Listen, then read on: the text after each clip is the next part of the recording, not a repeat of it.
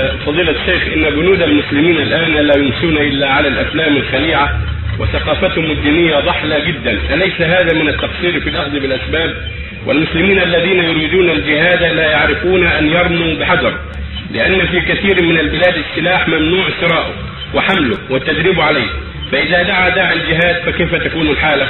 هذا من أعظم الأسباب من عدم الإعداد الإقبال على الشهوات وعلى الأفلام الخليعة. وعلى الإذاعات والتلفزة والمسجلات الخبيثة وشغل الوقت بها عن طاعة الله ورسوله هذا من أعظم الخسارة ومن أعظم أسباب تسليط الأعداء ومن أعظم ما تحول العقوبات نعوذ بالله من ذلك. وكذلك كون الإنسان لا يتدرب ولا يجد يدربه على السلاح وعلى الجهاد في سبيل الله ويدرب بدنه على عمل السلاح هذا أيضا من المصائب والنكبات.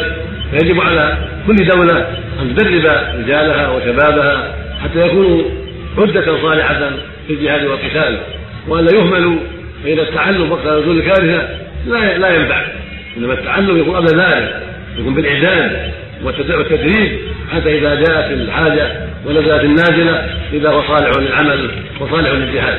فنسأل الله يوفق ولاة أمر المسلمين لهذا الأمر وأن يعدل الشباب ومن فيه قوة أن يطالب بذلك ويطلب ويعتني بذلك حتى يكون صالحا للجهاد. وحتى يكون مدربا إذا جاءت الحقائق وجاء أعداء الله أو أريد قتال أعداء الله. نعم.